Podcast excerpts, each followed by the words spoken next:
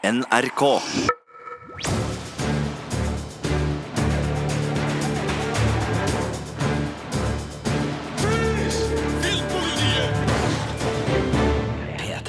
Velkommen til den nye podkasten fra Filmpolitiet. Jeg heter Birger Vestmo og har gleden av å ha med meg Marte Hedenstad. og Sigurd Vik. Denne uka er det premiere på to nye superheltfilmer på kino. Det er da de eh, henholdsvis sjuende og åttende superheltfilmene på kino i 2018. Og det syns vi er en glimrende anledning til å oppsummere kinoåret for våre draktkledde filmvenner. Ja, og I tillegg til det så skal vi tipse om en av årets aller kuleste romkomfilmer. Ja, og så har jeg sjekka hvordan julefilmer ligger hvor i den store, vide strømmeverden. Der skal du få en liten guide i denne podkasten.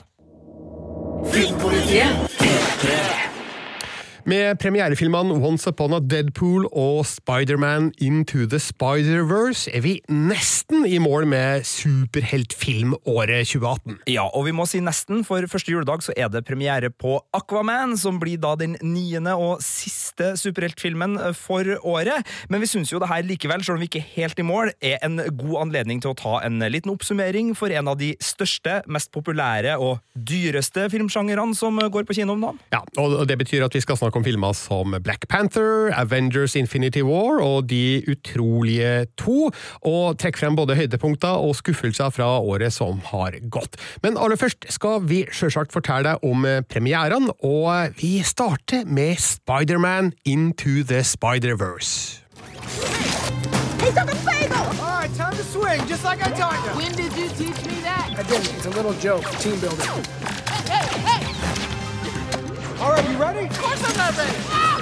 Oh! Oh! I can't do this shit! Everybody knows that the best way to learn is under intense, life-threatening pressure. Oh. Oh, Ja, eh, Filmen heter altså Spider-Man Into the Spider-Verse og er en animert film fra Sony Pictures, som da eier rettighetene til Marvel-figuren eh, Spider-Man. Så vi kan jo ikke kalle det her en Marvel-film, for da får vi Marvel-fansen på ræva. Ja, det er ikke en Marvel Cinematic Universe-film som Spider-Man Homecoming var, fordi MCU får jo lov til å låne litt rettigheter til Spider-Man innimellom. Men Birger, på starten av filmen, var det en sånn Marvel-intro, liksom, da? Ja, det var det, vet Så du. Det er jo en Marvel-film! Ja, men det er ikke en MCU-film, Nei, nei, nei, Men, ikke MCU. men ikke MCU. eh, de har lisensiert eh, Spider-Man til Sony, men eh, Marvel er jo med på produksjonssida her, og de har jo med seg salige, dessverre må vi si nå da, Stan Lee i en søt cameo-rolle her, så vi kan absolutt kalle det en Marvel-relatert film da, i det minste. Men det her er animerte greier, Birger. Ja, det er det, og det er en film jeg har hatt på radaren i noen måneder, men uh, kanskje ikke tenkt så mye på den. Jeg må vel innrømme at eh, det var den Sunflower-låta til Post Malone og Sway Lee som for alvor fikk meg til å eh, begynne å tenke på at denne filmen skulle komme snart, og det er jo et markedsføringsgrep som da har fungert. Men da jeg så musikkvideoen til Sunflower, så, så fikk jeg øynene opp for eh, Oi, hva er det her for noe? Det her ser da riktig spennende ut. Og nå kan jeg melde at Spiderman Spider-Man Into the Spider-Verse er en helt fantastisk superheltfilm! Det er altså en av årets aller beste i den sjangeren, og en ekstremt velgjort og gledelig overraskelse. For det her er da animasjon du knapt har sett maken til. Altså, jeg sier ikke at det er vakrere animasjon nødvendigvis enn eh, for eksempel Studio Ghibli, Marte Hedenstad.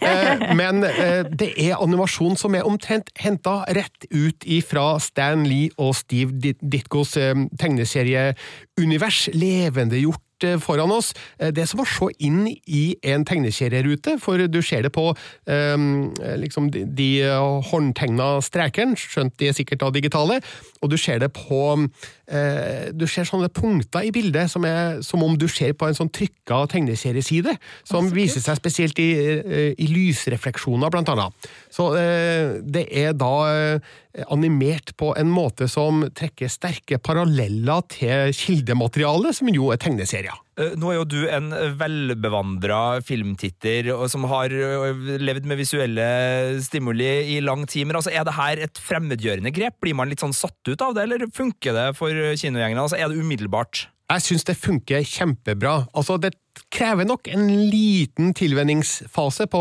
noen minutter, men det gikk ikke lang tid før jeg var djupt inne i denne verdenen og bare syntes at det så helt fantastisk herlig ut. Eh, Så det er et modig grep da, av eh, regissørene å eh, takle animasjonen på en litt annerledes måte, men jeg syns det gir veldig god uttelling. Eh, Jeg lurer grann på hvordan eh, det funker som en Spiderman-film. For nå, nå har jeg nesten mista tellingen over hvor mange Spiderman-filmer det har vært, og hvor mange varianter og rebooter og hei og hå.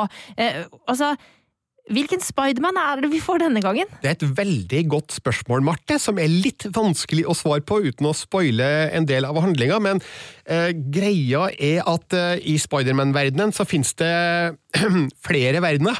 Alternative verdener, eh, og de smelter på en måte sammen her, da. Eh, vi kan jo bare si at Peter Parker eh, er jo med, men han er ikke hovedfiguren.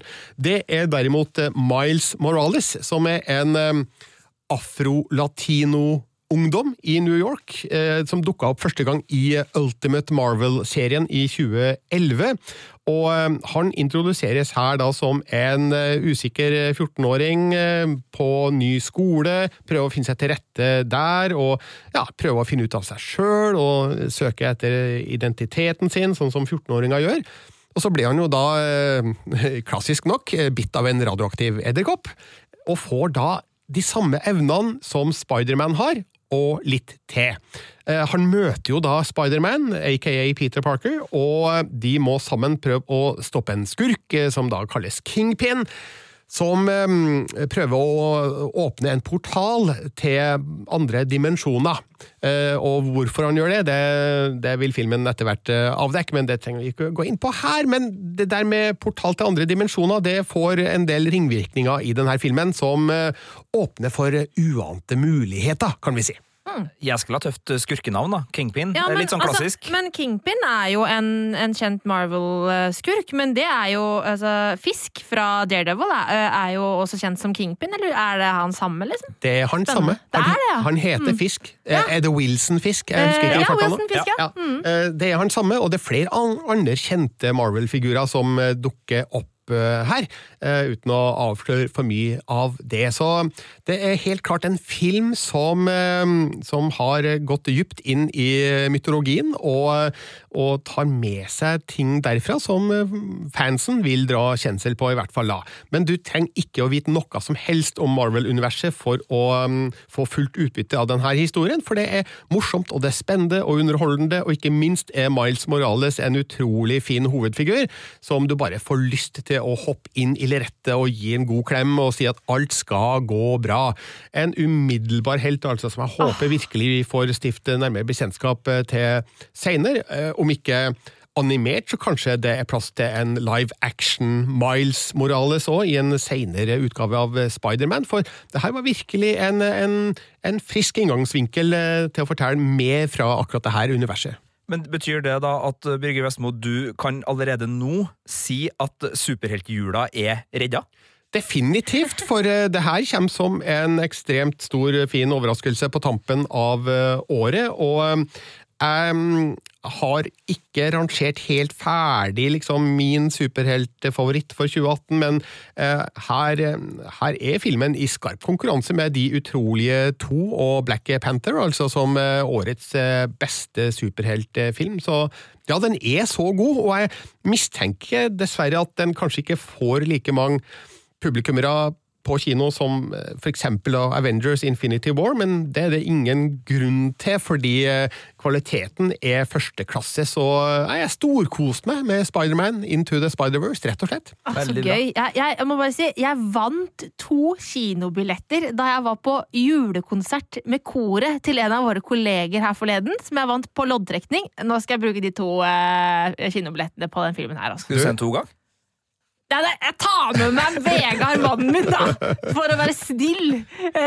Nei, jeg vil veldig gjerne at du, Marte, og du, Sigurd, og alle andre som hører det her, går og ser Spiderman eh, Into the Spider-Verse, for den er virkelig verdt en, en kikk. Og eh, nå har jeg da gitt terningkast fem til filmen, og mm, hvorfor ga jeg ikke terningkast seks? Eh, jo, det skal jeg fortelle etter å ha tenkt meg nøye om en, en god stund, men eh, det er sånn det ble. Og eh, dermed så skal vi over på den andre superheltfilmen som har eh, premiere denne uka. Den heter Once Upon a Deadpool. Why am I here? You're in a PG 13 version of Deadpool. Filtered through the prism of childlike innocence. I'm a grown And nobody man. does childlike innocence like you, Fred. Nobody. I need you almost as much as you need me. I don't need you at You all. You need me to untie you once we're done. Once upon a Deadpool. Kind of prefer Marvel movies. We are Marvel. Yeah, but you're, you know, Marvel licensed by Fox. It's like if the Beatles were produced by Nickelback. It's music, but it sucks. You were nicer as a kid. Rated PG 13. Limited engagement in theaters December 12th. Altså, eh, reklame er reklame, men man hører jo av reklamen at det her er jo dødsgøy. Ja. Eh, for de som ikke da har skjønt det, så er Once Upon a Deadpool en ny versjon av Deadpool 2, som er eh, redigert ned fra 15-årsgrense til 12-årsgrense. Men den er ikke bare klippet klippa ned, den har fått nye scener, der Deadpool, spilt av Ryan Reynolds, eh, forteller historien om Deadpool 2 til Fred Savage, som er en skuespiller fra virkeligheten, eh, mest kjent for eh, rolla han hadde som liten i den fantastiske TV-serien The Wonder Years. Eh, Men i denne sammenhengen er det mest interessant at han spilte gutten som blir fortalt et eventyr i The Princess Bride, eventyrfilmen fra 1987 som er en kultfavoritt for mange, og også dere, Martin og Sigurd. Absolutt. Ja, det er en av eh, de Rob Reiner-filmene som gjør at det er nesten vanskelig når South Park gjør narr av Rob Reiner, eh, fordi den er så bra at man har litt lyst til å bare ta den i forsvar. Ja, og i eh, Once Upon a Deadpool så um, eh, tekkes det paralleller til The Princess Bride, eh, uten at jeg skal um, si for mye om det, for det må jo oppleves sjøl i kinosalen. Men eh, ok, hva er nå det her for noe, da, egentlig? Eh, Deadpool 2 ble anmeldt av deg, Sigurd, eh, i mai. Det ble den. Kan du minne oss om hva du syntes om den? Steinbra, terningkast fem, og jeg syns kanskje den er mer underholdende enn den første Deadpool-filmen. Selv om den ikke har liksom det samme dramaturgiske drivet, så syns jeg Gladvolden var hakket bedre i Deadpool 2. Spesielt noen sånne slapstick-voldscener hvor rygger knekkes. og altså Det fantastiske med Deadpool er jo at han tåler liksom alt som du kan gi inn all den julinga som bare kreativiteten din kan uh, få fram, og det syns jeg virkelig de lyktes med i, i Deadpool 2. Pluss at uh, jeg likte birollegalleriet. Jeg syns uh, også at det var en, en viss sjarm i, i historia og, og det de prøver på. Altså få en ung gutt som er på randen til å bli en skikkelig ond drittsekk, til å liksom sånn ja, Kanskje hvis du bare får litt omsorg og litt kjærlighet, så, så ordner det seg. Og det er jo en historie som sikkert mange fengselsfugler i 40-50-årene vil si at ja, hvis bare noen hadde passa litt godt på meg da jeg var 13-14, så Nei da. Eh, Til alle fengselsfugler der ute, beklager, det var dårlig parodi. Jeg så den for eh, to helger siden sammen med min yngste sønn på 13, fordi jeg måtte jo se Deadpool 2 før Once Upon a Deadpool kom. Og vi lo og vi lo og vi lo, og hadde en helt fantastisk kinostund eh, hjemme hos oss. Eh, Og i uka som gikk etter det, så så 13-åringen filmen to ganger til. Eh, Så så godt slo den an, og noe av det som er best med Deadpool-filmene, både den første og den andre, er jo at humoren og volden er så grov, og strikken tøyes så langt, og av og til ryker strikken, og vi syns at det er fantastisk. Eh, Nå er jo det tona ned da, i Once Upon a Deadpool, for her kan det ikke vises mye blod og grotesk vold, og ikke kan det sies så mange gråviser heller. Eh, og det eh, lir jo filmen av, på en måte. Det tar brodden vekk fra det som gjør Deadpool-filmene veldig bra. Men så er det heldigvis mer enn nok igjen, da, av både humor og tolvårs action, så eh, det er fremdeles en underholdende film. Eh, Det er bare det at når man har sett Deadpool 2, så blir, det, så blir Once Upon a Deadpool en, en, en light-versjon, det er ingen tvil om det. Tror du det kommer til å komme en X-rated versjon av Deadpool 2, sånn at man kan få med Fred Savage, men slippe de der pikselerte greia? Du, eh, det hadde ikke vært meg imot, for eh, de nye scenene i Once Upon a Deadpool med Fred Savage er faktisk hysterisk morsomme. Dere hørte jo i trailerklippet her Ja. eh, dialogen mellom eh, Fred og eh, Dead. Hey, hei. Er eh, veldig morsomme og skarpe, og ironien er absolutt på plass. Og eh, jeg syns det er gøy når de gjør narr av eh, ting som nettopp har skjedd i filmen. Eh, for det kommer jo sånne stadige innklipp der eh, Fred eh, kommenterer ting som har skjedd. Og så er det morsomt da når Fred eh, stiller Deadpool til veggs eh, med, med det at han, han er jo ikke en ordentlig Marvel-figur, fordi at de er jo lisensiert av Fox. Uh, og han kommer med den der Beatles-Nickelback-spøken sin, som jo er dratt enda lenger ut i uh, trailere på, på nett. Å, det er veldig morsomt, den Nickelback-videoen! Stakkars Nickelback. Ja.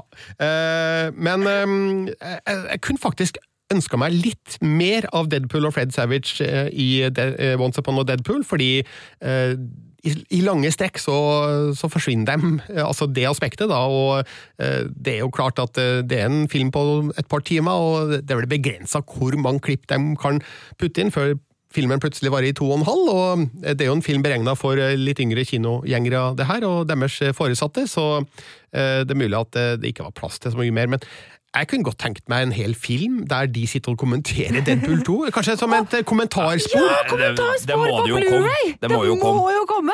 Men Ja. uh, det her er jo ja, Unnskyld, problemet er at Deadpool 2 er jo allerede sluppet på Blu-ray.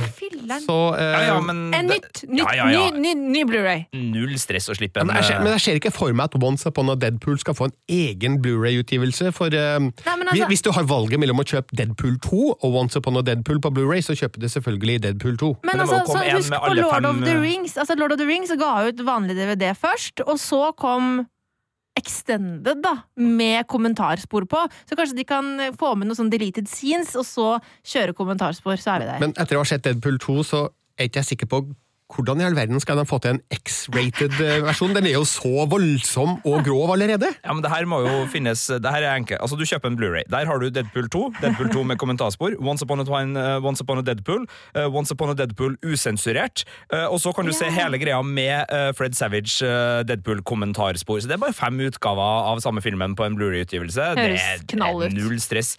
Men et spørsmål. eh, For den fjerde veggen brytes jo en del i Deadpool eh, i utgangspunktet, og her har man da lagt inn et ekstra fortellerlag ved at det fortelles en historie inni filmen som fortelles til publikum. Brytes den fjerde veggen også i historier som fortelles eh, til oss, der de forteller om filmen som foregår i, ja. Ikke sant? Du skjønner? Ja. Brytes den fjerde veggen? Igjen? Ja, selvfølgelig gjør den det! Ja, ja, selvfølgelig gjør han det. Det hender at eh, både Fred og Dead eh, kikker inn i kamera med en eller annen kommentar. Eh, Ikke så veldig ofte, men eh, selvfølgelig brytes den fjerde veggen eh, der. Og de må jo, de må jo holde eh, linja, de må jo kjøre løpet, og det, det gjør de absolutt. altså. Og se filmen helt til slutt, for at eh, i, i motsetning til Deadpool 2, så er det noe helt til slutt i Once Upon a Deadpool. Bare så du har fått den advarselen, da. Veldig greit. Dette Det her er jo en slags julespesial eh, fra et kjent fiksjonsunivers. Det har jo skjedd før. Jeg Skal ikke snakke om Star Wars sin julespesial her, men eh, er det her en god julespesial, Birger?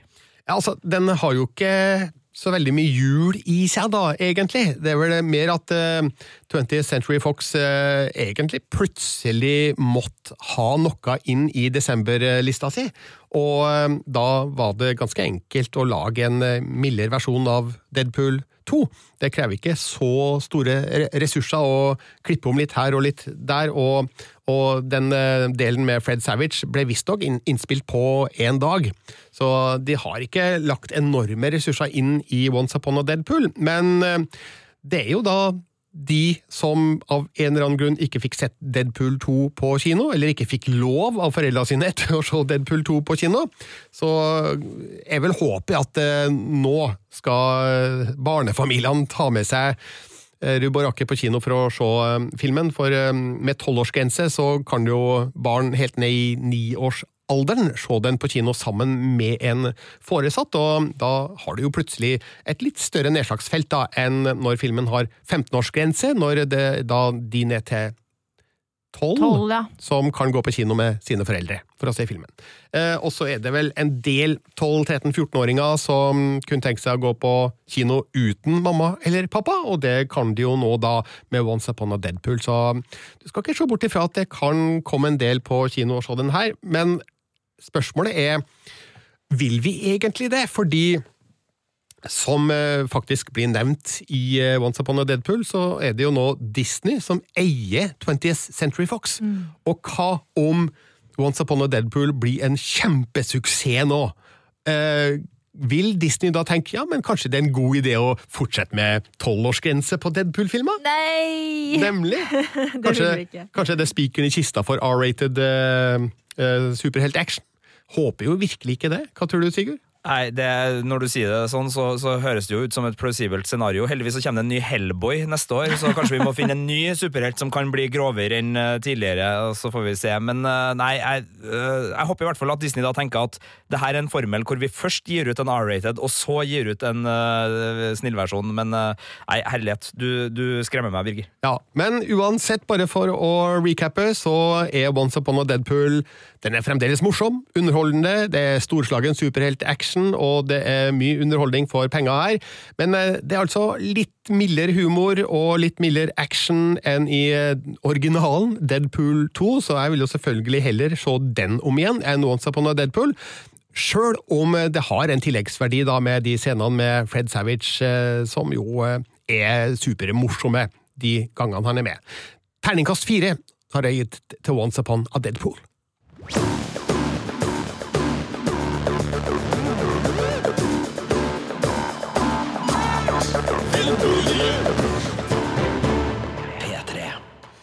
Vi har snakka om Sp Spiderman Into the Spider-Verse og Once Upon a Deadpool, som altså da var um, de sjuende og åttende superheltfilmene på kino i 2018.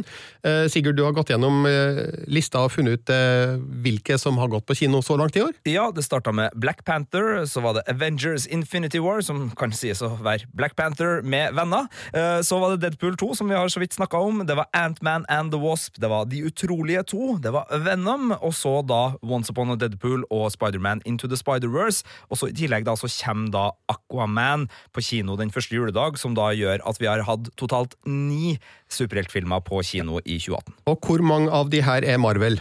Alle. Eh, alle, bortsett fra Aquaman, som da er den eneste som bryter med det. Men alle som har kommet så Ja, langt, er Marvel. alle er ikke MCU, da, eh, vel å merke, men alle er jo Marvel-tegneserier. Bortsett fra Aquaman, som kommer neste uke. ja. Ja, og Så langt i kinokampen så er det jo ikke noe tvil om at selv om DC har putta veldig mye penger inn i sine eh, filmer, så har både Supermann og Batman de siste årene ligget litt bak. Vi må nok tilbake til trilogien til Christopher Nolan for at det virkelig skulle smelle da i eh, kvaliteten fra DC-filmene. Eh, nå glemte du Wonder Woman, men det er Med greit. Eh, Filmen som som nesten jo var like god som den som Den beste av alle eh, superheltfilmene som noensinne er laget. Um, altså, da snakker vi etter åtte Marvel-filmer og én uh, DC-film. Ja. Eh, eh, morsomt uh, poeng i Deadpool 2 om eh, DC-figurer for øvrig, men eh, ja, du får se den sjøl hvis du ikke har gjort det enda.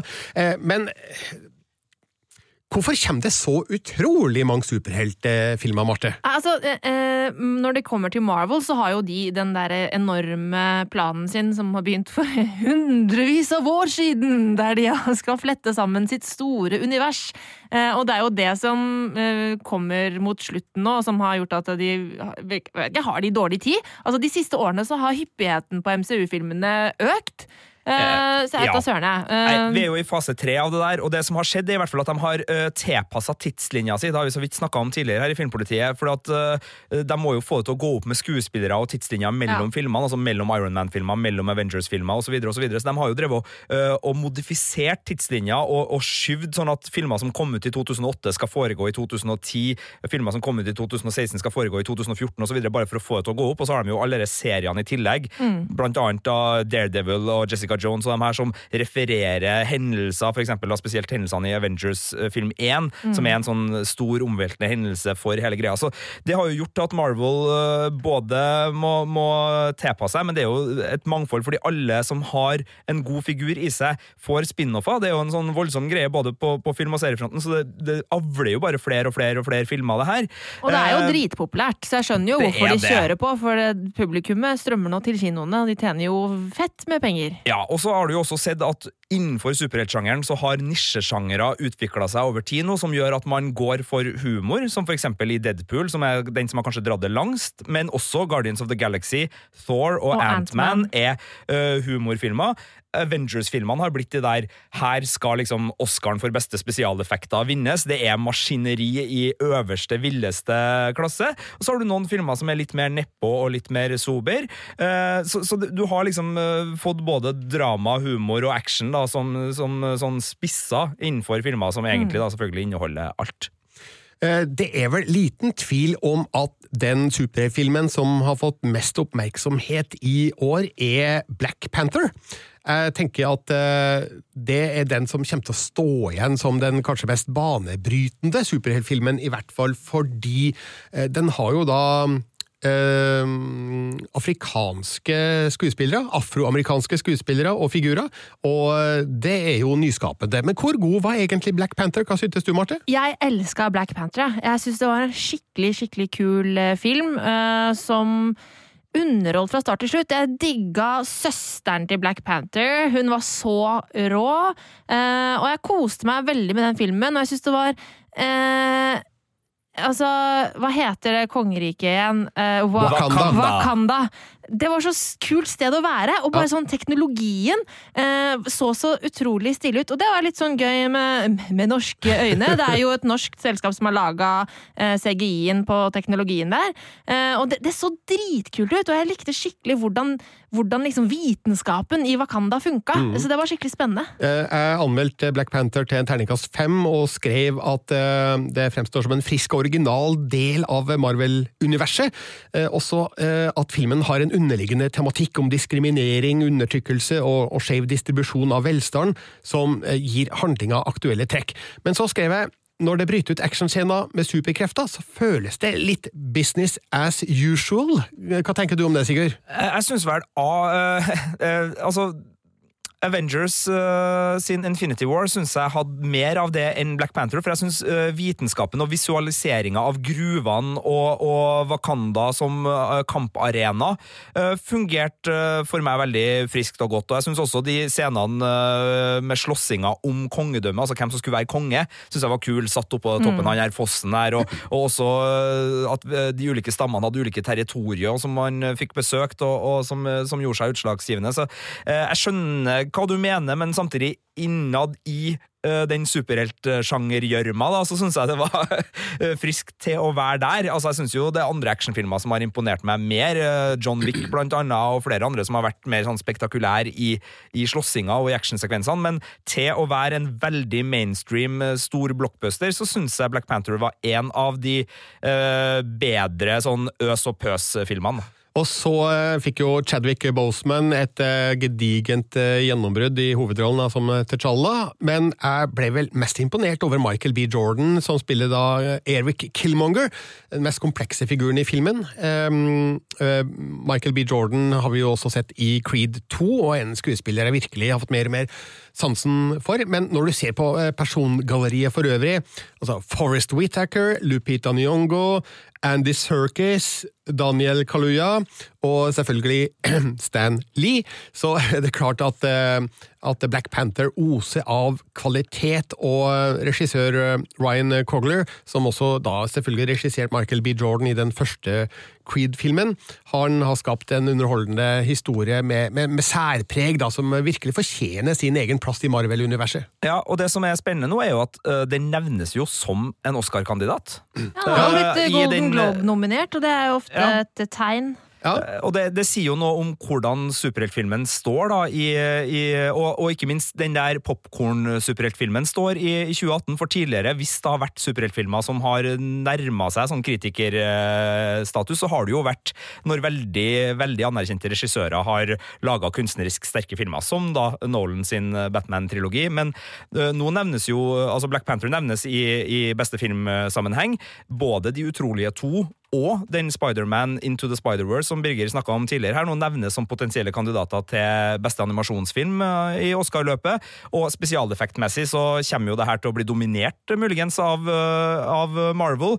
Og i tillegg så er det snakk om beste låt og en del andre ting. Og uh, uh, som spøk så har vel også flest skuespillere uh, blitt tilknytta Avengers uh, Infinity War uh, som en sånn liten tongue-in-cheek-greie der. Men, men, det vitner jo om at uh, superheltsjangeren står veldig sterkt i både det kommersielle, det er det jo ingen tvil om, det er jo derfor vi er her vi er, fordi publikummet er, har en utømmelig tørst tilsynelatende for de her filmene, mm. men også da at Oscar, som skal sies å være i en kreativ krise, det er ikke greit å være Oscar-akademiet og ha den sendinga om dagen. Seertallene har vært dårlige, de mista nettopp verten sin, Kevin Hart, som trakk seg. Jeg tar jobben. Ja, det er greit, men de vurderer faktisk å kjøre det uten vert nå, leste jeg. De vurderer det. og bare at, at, det kommer du, hoster det, som skal dele ut priser. Du, det blir en sånn uh, datagenerert host. Å, det er funny! Ja, et, et, du, et, hologram med ja, Johnny Carson, en eller annen sånn avdød Oscar-vert. Det må bli Stanley. Stanley, ja, der, der har du det. Um, det blir spennende å se hva som skjer med Black Panther i forhold, for, forhold til Oscar her nå. Um, uh, vi får jo også et glimt av Black Panther og Wakanda i Avengers Infinity War, og uh, må innrømme at uh, da vi plutselig var tilbake i Wakanda i Avengers, så tenkte jeg at ja, nå svinger det her. Eh, likt tanken på å tilbringe mer tid der, så Black Panther 2, eh, ja takk, og den er vel allerede annonsert og under planlegging. Men, eh, men hva med Avengers Infinity War, da, som eh, jo ble en gigantsuksess eh, over hele verden? I Norge ble den sett av 345 000 eh, på kino, litt over det.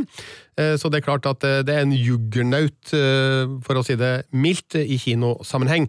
Men hvor god var den? Altså, Jeg ga terningkast fire og kalte den en massiv mastodont av en superheltfilm, og det er vel kanskje litt av filmens problem, da, i den grad den har et problem, er at den er så svær. Den er så gedigen. Den er så Er den forvokst? Er det for mye? Ja, det kan man si. Jeg eh, kan trekke noen sammenligninger med den forrige fabeldyr, eller fabeldyrfilmen som nå går på kino, i at den her også i tillegg føles som en sånn transportetappe. Mm. Det mm. føles ikke som en, en, ferdig film. Altså Det er en film som bygger til en ny film. Ja. Ja. Eh, og de filmene er som regel ikke de beste når vi ikke har sett slutten. på en måte. Altså, En ting er når en trilogi eller en, et, et, filmpar er ferdig, så kan man liksom se kvalitetene i begge. Men Harry Potter and The Deathly Hallows part 1 i seg sjøl er jo en frustrerende film. Uh, og det syns jeg Avengers uh, 4 også Nei, uh, 3 blir det vel. Avengers-film nummer 3 ja. var.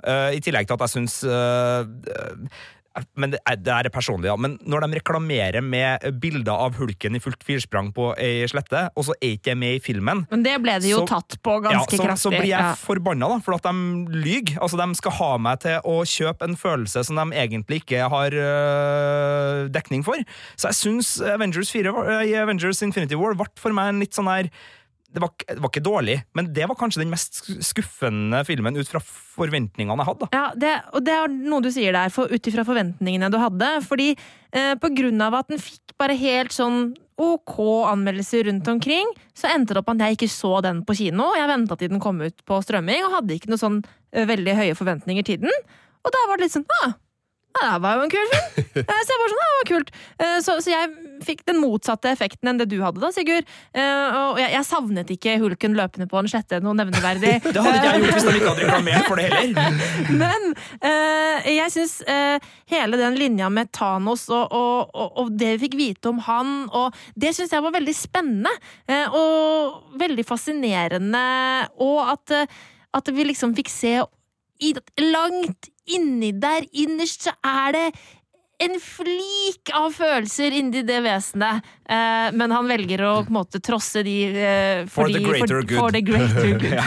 Spennende. Men, men, men, slutten. Med at vi nå skal liksom tro ja. at alle sammen er døde, eller hvem er død og hvem Nei, ikke det. Er ingen tror at de er døde. Det er jo det er et kjempeproblem, fordi ja. det er allerede planlagt nye filmer med de her rollefigurene ja, som skal være døde! Og derfor så vet vi jo at eh, de kan jo umulig forbli døde. Altså, noe vil jo på et eller annet vis skje, om man skrur tilbake tida, eller whatever. Nå vet vi jo ikke helt hvilke krefter som skjuler seg i disse Infinity Stones, men Nei. Eh, det er åpenbart at det, det her ikke er slutten for de figurene som eh, forsvant. Nei, altså virker det som at De er ikke så veldig nøye på det med spoiling. for sånn som I slutten av Ant-Man også, Ant-Man and the Wasp, så er jo han fanget eh, i, der, i, det der universet. Eh, Mikrouniverset, ja. Ja. Eh, Mens i traileren til Avengers 4, som kom nå her om dagen, så, så, så står han og banker på døra liksom, og skal inn, så han har tydeligvis kommet ut. Altså, det syns de ikke var så veldig farlig å avsløre. Så de er ikke så nøye på det. De, de, de skjønner at folk skjønner at dette kommer til å gå bra.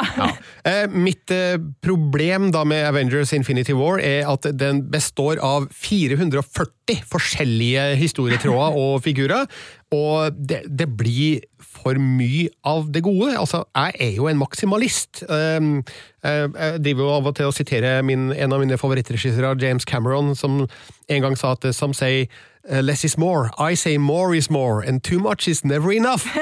Men spørsmålet er om eh, Joe og Anthony Russo, som regisserte Infinity War, faktisk eh, har fått det til. Eh, De har fått til for mye, slik at eh, man blir bombardert i to timer og 29 minutter, og eh, hver enkelt bestanddel er jo bra utført. Det er jo helt vanvittig godt filma, og effektarbeidet er jo hinsides. og det er mange scener som er gode, og som har en emosjonell slagkraft, eller bare slagkraft. Men til sammen så blir man utmatta, rett og slett, av eh, to timer og 29 minutter med det her. Så på en måte så forstår jeg jo at Avengers Infinity War må være en stor film. Altså, vi hadde jo vært litt eh, misfornøyd hvis den hadde vært på 1 time og 20, men eh, samtidig eh, håper at den eh, siste filmen, Endgame, eh, skal være litt mer strømlinjeforma i historiefortellinga. Eh, nå har vi snakka om filmene som har gleda oss, og uten at vi trenger å si det, så er selvfølgelig Disneys De utrolige to også der. Men hva har vært de, de store skuffelsene, eh, eller hvilken film har vært dårligst av superheltfilmene i år? Venom. Takk, Birger. Den har jeg ikke gidda å sette engang, fordi Ikke du sa den var dårlig. Terningkast to fra Birger Vestmo. Hvem som gidder å se den? Nei, men eh, jeg ble så skuffa fordi det er jo Tom Hardy som spiller hovedrollen. En skuespiller som knapt har spilt i en dårlig film før. Eh, og vi vet jo at han er i stand til å gestalte roller på eh, utrolig eh, enerverende vis. Eh, mens eh, figuren han spiller i Venom, han eh, blir dessverre drukna i en kjedelig, kjip historie. Og ikke engang har de, kan gjøre gull av eh, gråstein. Eh, har egentlig glemt hva filmen handla om ennå. Så dårlig var den. Så dårlig var den! Nei, men altså, det handler jo om eh, en TV-reporter som heter Eddie. Han eh, kommer i en konflikt med en sånn slags bioentreprenør eh, som heter Carlton Drake, spilt av Riz Ahmed. Som eh, ligner litt på en sånn Elon Musk-figur, ikke sant, Sigurd? Enig med deg? Ja, jeg har ikke sett den, så det blir vanskelig for meg å Du har ikke sett Venom? Ingen så den da du sa den var dårlig. Da Ja. ser vi, vi ser ikke de filmene, Nei, jeg har hørt Marte sa at hun ikke har sett den, men du har heller ikke sett den. Nei, nei, nei, terningkast to fra Birger Vestmo. Ser ikke filmen. Nei, men uh, denne bioentreprenøren er jo da en Elon Musk-type millionær, og han bor jo da selvfølgelig i et sånn svært laboratorium like ved Golden Gate-brua i San Francisco, og ser ut som en sånn Bond Lair, eh, sånn, nei, um, Bond-skurk-hovedkvarter, da.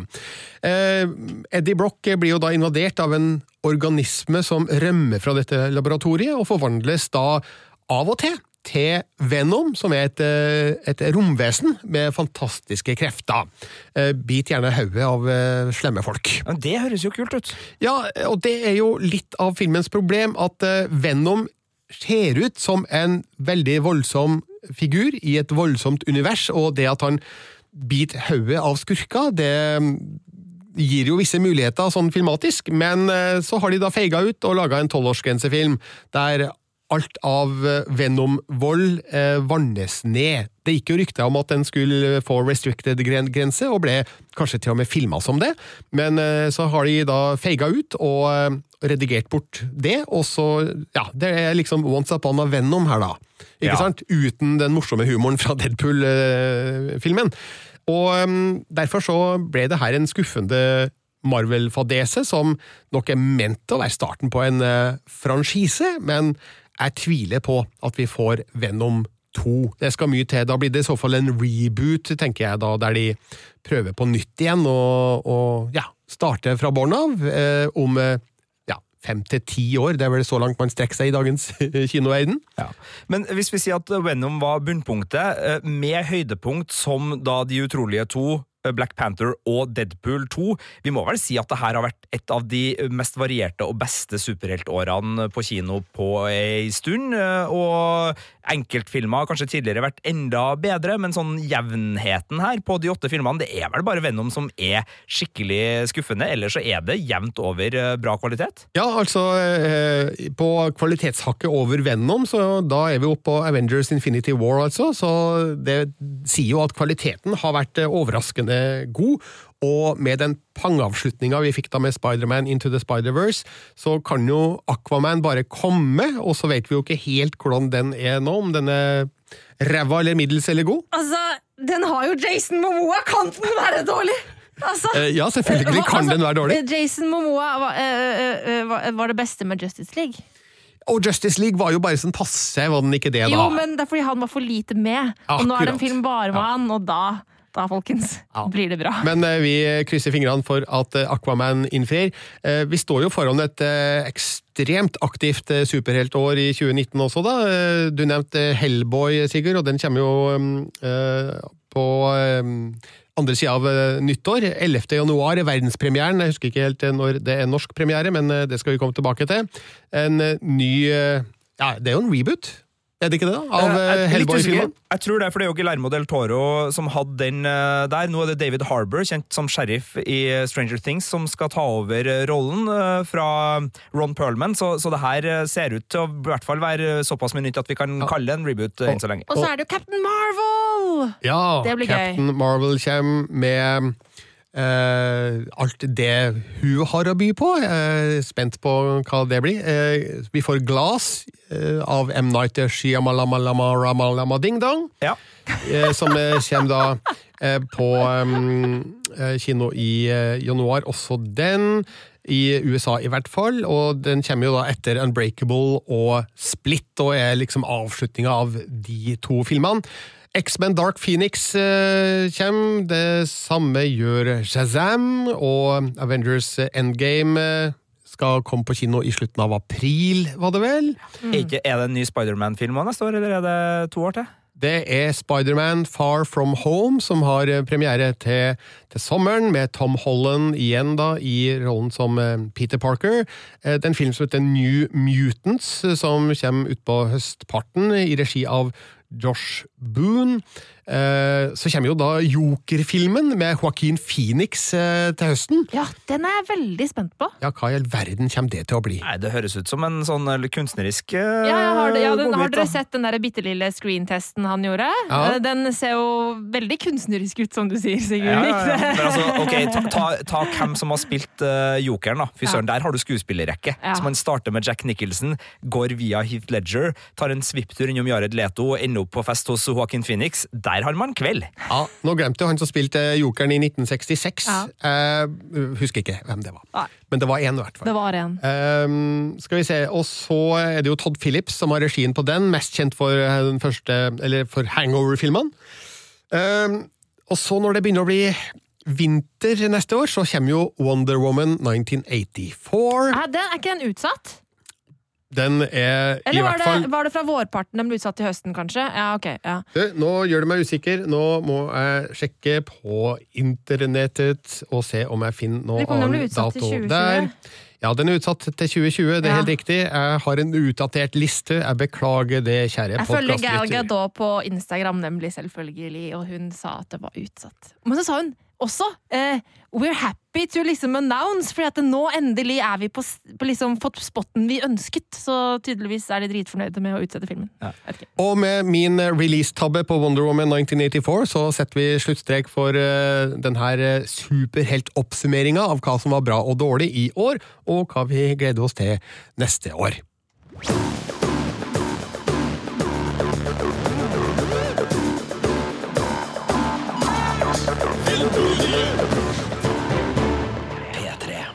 Vi har da snakka om to av tre premierefilmer denne uka. Vi snakka om Once Upon a Deadpool og Spiderman Into the Spider-Verse, men det er en til som eh, ikke er en superheltfilm, Marte. Ja, tro det eller ei, vi skal til Singapore og Crazy Rich Asians. These people aren't just rich, they're crazy rich. You really should have told me that you're like the Prince William of Asia. That's ridiculous. Much more of a Harry.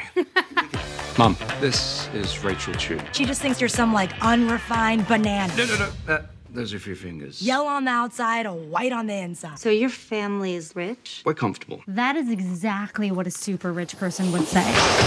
Do something crazy Rich Asians heter filmen, og den har jo blitt en stor suksess i, i USA. Eh, Kan du forstå hvorfor, Marte? Ja, det kan jeg virkelig, for det her er en skikkelig skikkelig kul eh, romantisk komedie.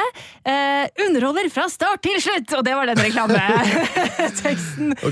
Men eh, det spesielle med filmen er jo at eh, den har kun asiatiske hovedfigurer, og det er visstnok første gang i en Hollywood-film. Ja, altså Det er første gangen på 25 år, og det er første gangen det skjer i en uh, Hollywood-film av denne størrelsen. Um, og det, bare det gjør den jo uh, for så vidt unik. Uh, Hollywood er jo kjent for å være ganske kritthvitt. De siste årene så har det jo blitt mye bedre både på filmfronten og på seriefronten. Eh, med ja, for eksempel nevnte Black Panther, som vi snakka om, og på seriefronten så har de jo hatt Masters of None eh, og Fresh Off The Boat. Eh, og Fresh Off The Boat er jo relevant her, fordi det er jo da Constance Wu som spiller i den serien, som har hovedrollen som Rachel her. Og Rachel hun er en New Yorker, professor i økonomi og spillteori. Er eh, kjempeforelska i Nick, som hun har vært sammen en stund, men ikke vet så veldig mye om familien til. Og så blir han invitert i bryllup fordi han skal være forlover. Han er fra Singapore, de, drar, dri, de, drar, de drar dit, og endelig skal hun få møte familien, og pam, pam, pam! Han er dritrik! Og så blir det en slags Askepott-fortelling. Eh, Og det høres jo litt klisjé ut, kanskje, men Det høres også veldig rart ut når Askepott starter som professor i økonomi og eh, spillteori. Eh, Ja. altså det, er, det er liksom ikke Askepott som sitter i, i, ved ildstedet og sorterer erter og, og ja. Denne varianten av Askepott er litt mer som Askepott i Tre nøtter til Askepott, kanskje. Hun har bein i nesa, hun er intelligent, hun er dritkul og morsom og alt som følger med.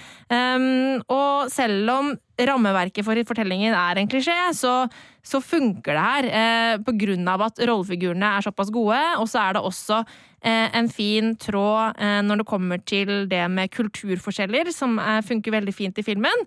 Eh, fordi Rachel i USA så er hun jo kinesisk, eh, mens i Asia så er hun amerikansk. Eh, sånn at hun er liksom ingenting eh, eh, av det hun føler sjøl.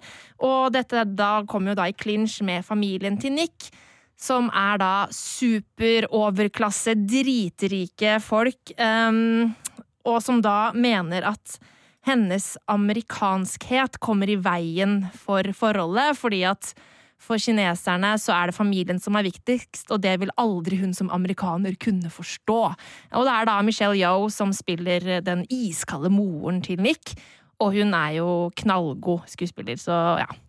Filmen er regissert av John Chu. Jeg sitter og kikker på hans filmografi her, og han har eh, gjort litt av hvert. Altså to Step Up-filmer, Ja. disse dansefilmene, og så dokumentaren eh, Justin Bieber Never Say Never. Eh, Så hadde han jo stor suksess med GI Joe Retaliation, som en helt annen type film igjen. Og så eh, sto han for regien på denne tryllefilmoppfølgeren Now You See Me 2.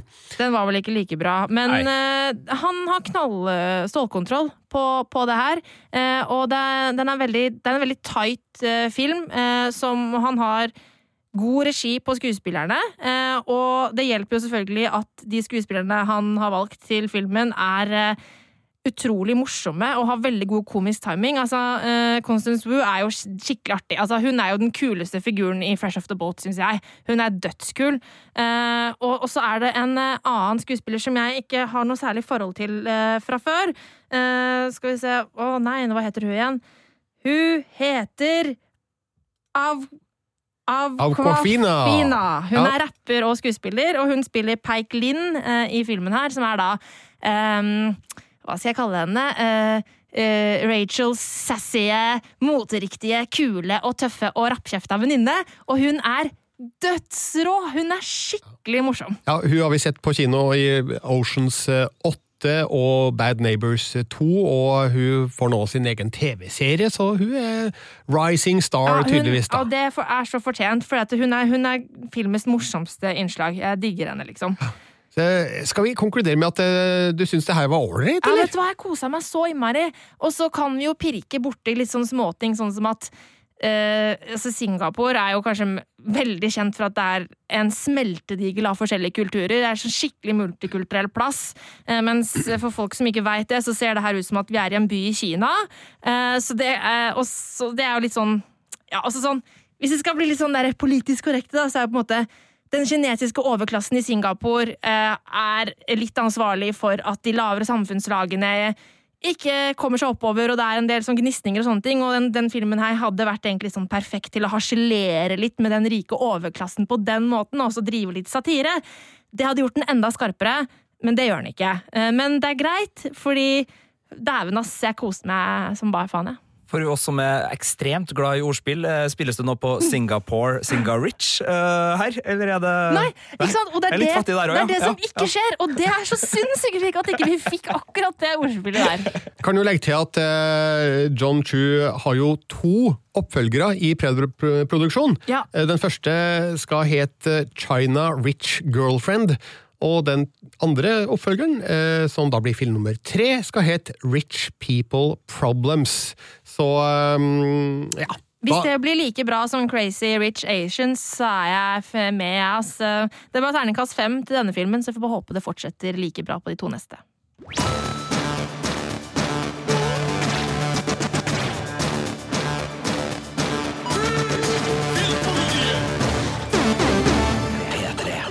Til slutt i denne podkasten fra Filmpolitiet skal det handle om julefilm, og da får jeg skikkelig dårlig samvittighet, for det er jo snart jul, og jeg har ennå ikke sett en eneste julefilm i år! Hva gir dere meg?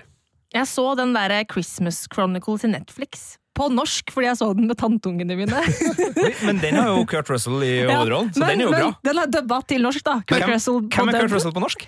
Jeg lurer på om det var Oftebro, jeg. eh, uten at jeg er helt sikker. Jeg tror kanskje det var det. Kan man velge om man vil se norsk eller engelsk på Netflix? Ja. Ja, nemlig. Det er bra å vite, for det vet jeg ikke om jeg har lyst til å se på norsk eh, når det er live action. Altså ikke, ikke for å si noe stygt om norske dubbere, for de er utrolig dyktige, men det er veldig vanskelig å dubbe live action når leppebevegelsene ikke stemmer i det hele tatt overens med det som blir sagt da ofte. Men det funka, det funka, altså. Det funka. Ja. og, og for ungene funka det som bare det. De elska det.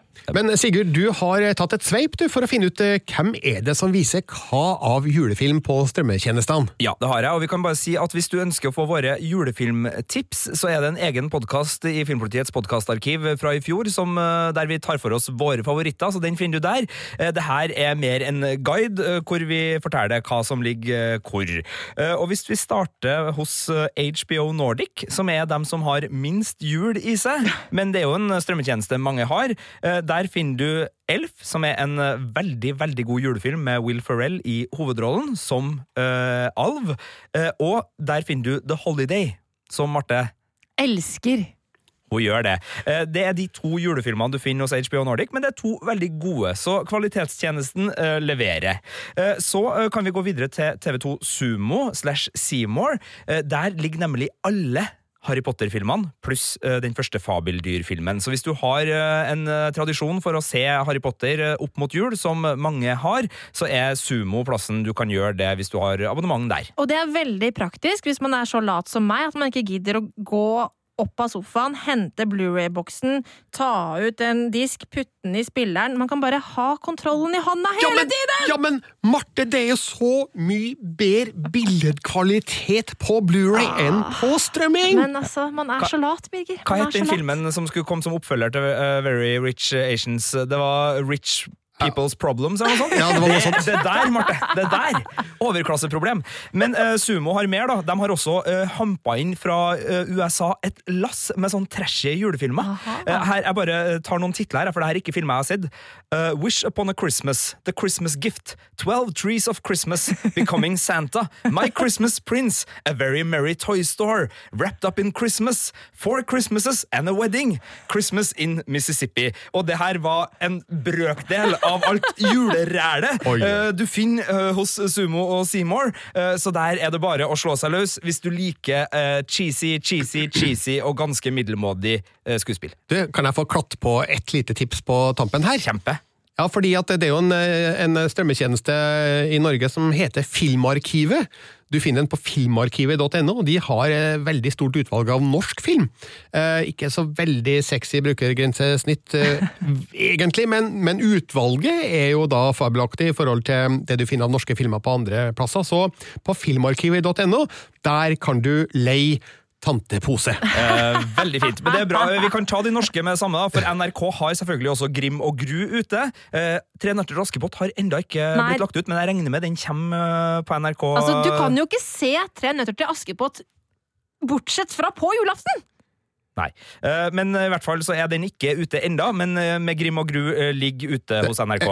Unnskyld, Sigurd. Ja. Eh, Marte, selvfølgelig kan man det, for hvem er det som har tida til å sette av Groundpop? Vi jeg, altså, jeg har okay. aldri tid til å sitte og se på TV på julaften Altså- formiddagen. Da må du se Da, da, da blir det ikke noe Askepott på deg, Birger. Nei, men okay. vet du hva, det har det aldri blitt. Altså, TV-en står som regel alltid på, så jeg går jo rundt i huset Ja, og ja. hører på Knut Risan, og så Ja. ser jeg noen klipp her og der, så jeg har helt sikkert sett hele filmen spredd utover de siste eh, 20 åra, eller hva det nå er. Men, men jeg har aldri, aldri til dags dato sett Tre nøtter til Askepott eh, fra start til slutt, sånn i ett sammenhengende strekk, da. Oi, så Og det, trist. Ja, det, det er trist. Jeg skulle gjerne ha gjort det, men sånn har vi ikke innretta oss i jula, dessverre. Men det jeg alltid får med meg på julaften, da, bare for å gjøre ferdig det her, det er jo da Donald Duck og vennene hans. Ja. Mm. Det er liksom den timen jeg har på julaften, der jeg har godkjennelse fra de jeg har rundt meg.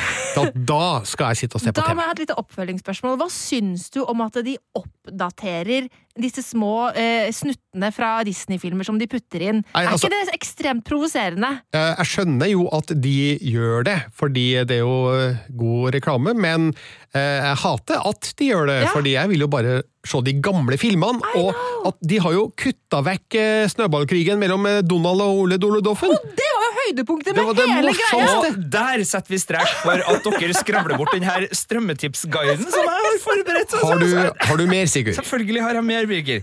Hvis du vil se It's a Wonderful Life, altså Livet er vidunderlig, så finner du den hos Amazon Prime. Eh, De har også den fantastiske sci-fi-filmen Santa Claus Conquers the Martians, som eh, trofaste filmpolitifølgere vil vite at jeg har et stort Ja. hjerte for. Jeg har den sett eh, på DVD. Det er da en sci-fi-film fra 60-tallet om at julenissen eh, blir kidnappa av marsboere fordi de er misunnelige på jorda eh, for å feire jul. Så den finner du også der.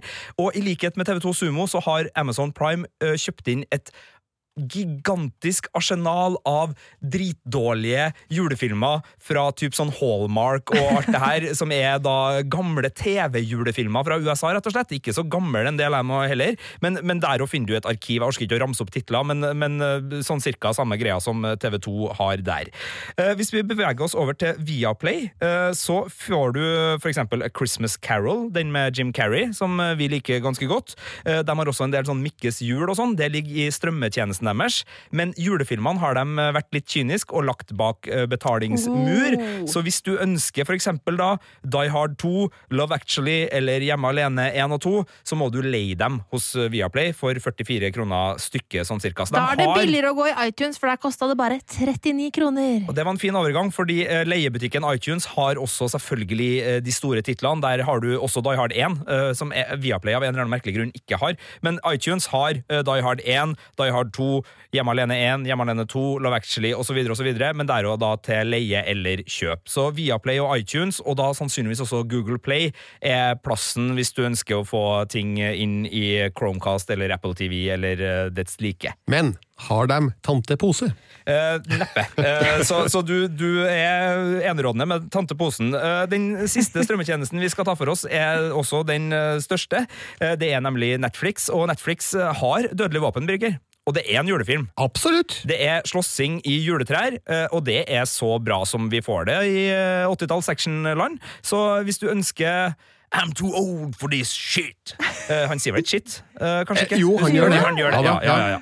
Eh, så er Netflix uh, rusta der. De har ikke Die Hard. Dårlig. Eh, de har også Elf, som vi nevnte tidligere, med Will Ferrell. De har også Fred Claus, med eh, Martes favorittskuespiller Wins Wan. Og jeg elsker min sønn! Han er så utrolig likende fyr! Ja.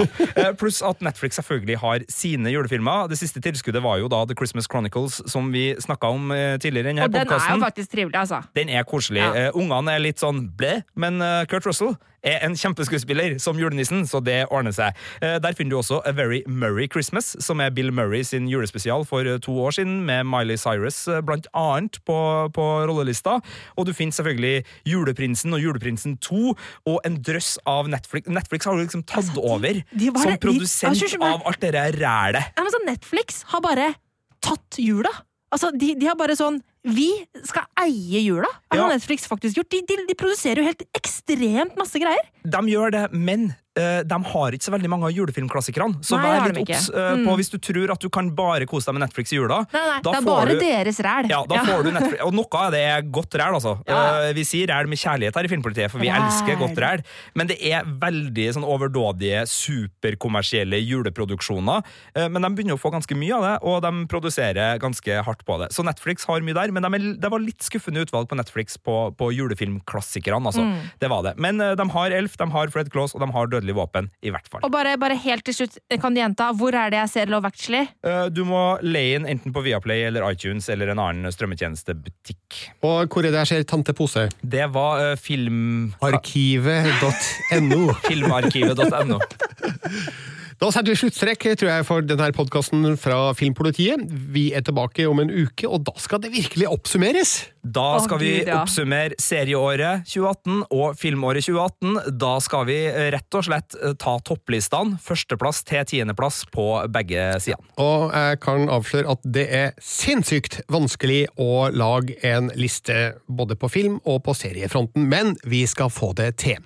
Og vi, det er Sigurd Vik. Marte Hedenstad. og Birger Vestmo. Takk for at du har hørt på, og gi oss gjerne en rating eller en kommentar, eller helst begge deler, der du har funnet denne podkasten. Send oss tips på filmpolitiet og følg oss på sosiale medier, nemlig Instagram og Twitter. Og takk for nå.